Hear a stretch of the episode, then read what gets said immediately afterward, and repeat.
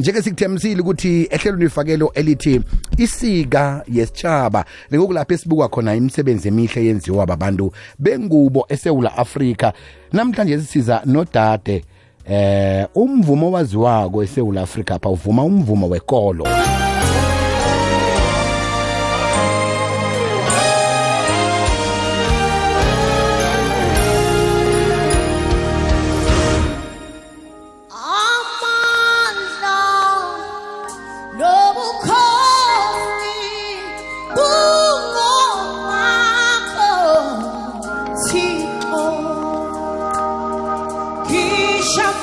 Nguzaza wakwamkhethi sesizaza lotshani Ninjani baba? sikhona sigezwe ekhaya Hayi cha siyaphila nathi manje. siyathokoza ukuthola ithuba lokucoca nawe namhlanje sisiphethe indaba ezimnandi Awu thokoze nathi. Mm.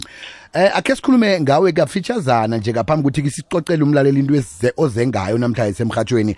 Uzaza uthome nini ukuthi ke azibandakanye ekuthena bemvumi womvumo wekole eSouth Africa.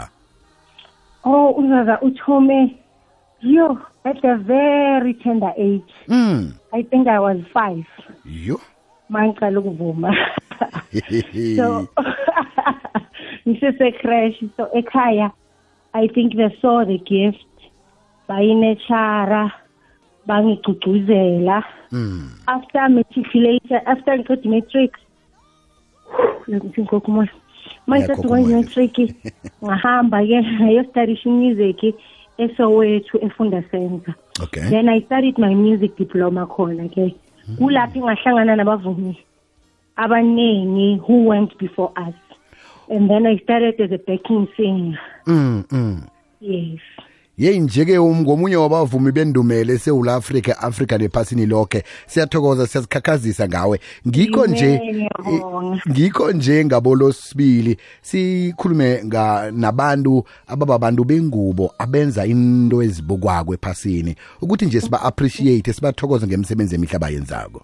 Awu ngiyathokoza nami ukuthi ngibalwe nalabo-ke abayenza imisebenzi emihle eh, eh, eh, in south africa ngiyabonga kakhulu manje. Aha njeke into esihlangane ngayo namhlanje sinjengombana sikhethe wena ukuthi-ke ube yisika yesitshaba eh kunezinye insika zesitshaba ezilindelwe ukuthi-ke zivele ekorweni le yekwe- yezokuzithabisa esikhulukhulu-ke eh, emvumeni wegospel. Abantu bengubo bayamenywa la ukuthi beze bazokuhlungwa bazoku-audishinwa akusicocele ngeproject le ithome njani begodwa nifuna ababo- abobani abangaki bayaphi? Oh, i- the project Woman in Chronicle, it's a mentorship program. Okay. Eh back in the days ngabona ukuthi ukungena ku music industry kuba nzima kakhulu to get someone who can believe in you. Just one person nje a believe in gift yakho. So ngabona kunzima especially kuyi gospel because gospel is mainly male dominated kugcwele abobaba kakhulu. Thina abantu besifazane sisi simbalwa and we are not supporting each other.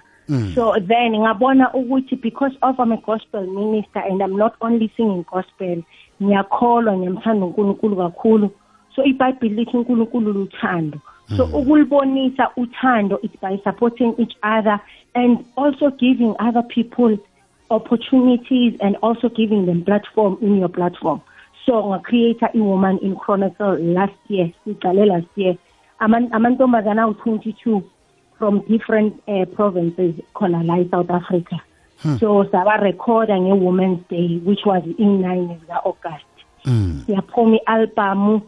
Abantu e-south africa bayijabulela kakhulu.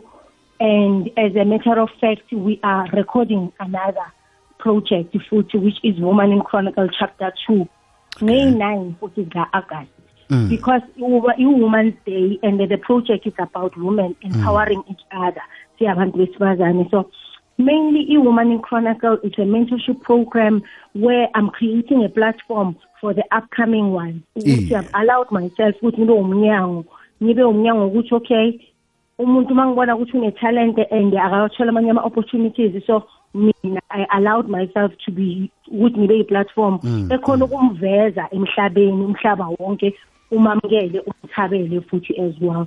So woman in chronicle it's mainly nje about that giving each other an opportunity and also the platform. Mlaleli kwekwez FM sikhulumisana nodade uzaza wakwamkhethi. Enguweke enguyeke ophethe nasi project lapha abafuna khona bavumi eh, ababavumi be babantu bengubo abangakhona ukuthi bazokuhlungwa. Tshela omunye naye tshela omunye ngoba nayo indaba le ikulu.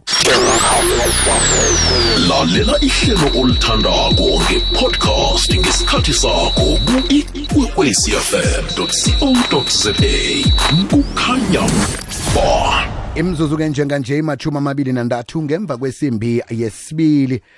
Eh sesizaza-ke akho ucoce nathi kufuneka abantu abangaki kufuneka umuntu oneminyaka emngaki abe nani begoduza kuphi? Oh okay. Ama auditions sisiwa siwayenze last week. Okay. bekufuneka umuntu from the age of 18 to 42 okay. 42 years. Abantu about 22 so because we still had other members from last year. So this year we only uh, wanted we were looking for 15 people because others last year they got other opportunities outside the country. Hmm. Kunabayi 3 abahambile they are doing amateurs. Wow. eTurkey abanye base Paris. So uNkulunkulu muhle. This platform is really working for young people abalangazelela ukuthi ba showcase italent labo. So this year in all the group is 22 ladies bese sine 6 piece band bomba bonke it's close to 30 people in a group and eh siyamthemba nje uNkulunkulu ukuthi he will provide ngendlela provide ngayo because indaba zama funding asikatholi umuntu osifandayo. We are always doing this out of our own pocket but believing uNkulunkulu ukuthi he will provide for us because we believe ukuthi by uh, uh, lifting others siphakamisa nathi in, a way. We must not be afraid to bring other people in your platform because they are not dimming your star. Mm-hmm. In fact a star if ukuthi you are bringing another star eh phambi kwesinye star Iphazima kuba more yeah mm, mm. so that is why that hiyo into engiyenzayo and enye into more than anything we must always show the love we are preaching about singakhulumi ngalithando kuphela masilibonise ukuthi kwangempela siyathandana siyabantwana bakaNkuluNkulu. We are not in a competition. We are not com uh, competing against each other but we are complementing each other. Remember ibhayibheli lithi umzimba kaKristu. So Yes, isandla akumelanga si- sibe nomona ukuthi inyawo lenzani. Because inyawo line function yalo nesandla line function yalo so i'm inviting every woman in south africa. Let us come together and try to fix each other's crown. Umhlaba uzoya phambili. Kunomunye othi umnyaka oza ngiba ukuthi nami ngibe ngomunye wababalwa eh nabo Yes. ku chapter 3 umuntu ke angalithola njani ilwazi ukuya phambili ukuthi ingamphundi yangomnyaka ozako ingamphuthi kwangempela we always have our social media platform. It's woman in chronicle woman in chronicle.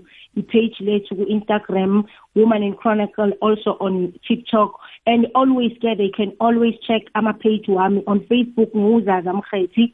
Instagram zaza like you can't miss me. All mm, my mm. social media platform it's zaza sesizaza siyathokoza khulu kwamambala usomnini akubusise ube namandla ukuya phambili eh, kwenzela ukuthi nibabuthe bonke abantu abanekhono ukuthi-ke bakhona ukuthi balotshe usomnini barhatshe ivangeli. thank you so so much to kwekwezi FM for the support and love. Nichubekele phambili njalo sithokoze khulu kwamambala besikhulumisana naye ngudade uzaza mkhethi eh we-women in chronicle. Zwile-ke mntwana kwethu tshinga lapha enkundleni zokuthintana. Uzwe ukuthi-ke bawabamba nini kodwa ama-auditions? Uyokuhlungwa nawe ngenzeka ube ngomunye eh wabafana naye. Sithokoze khulu kwamambala. Silijamisa la ihlelo elithi isika yesitshaba sibuka imisebenzi yabantu bengubo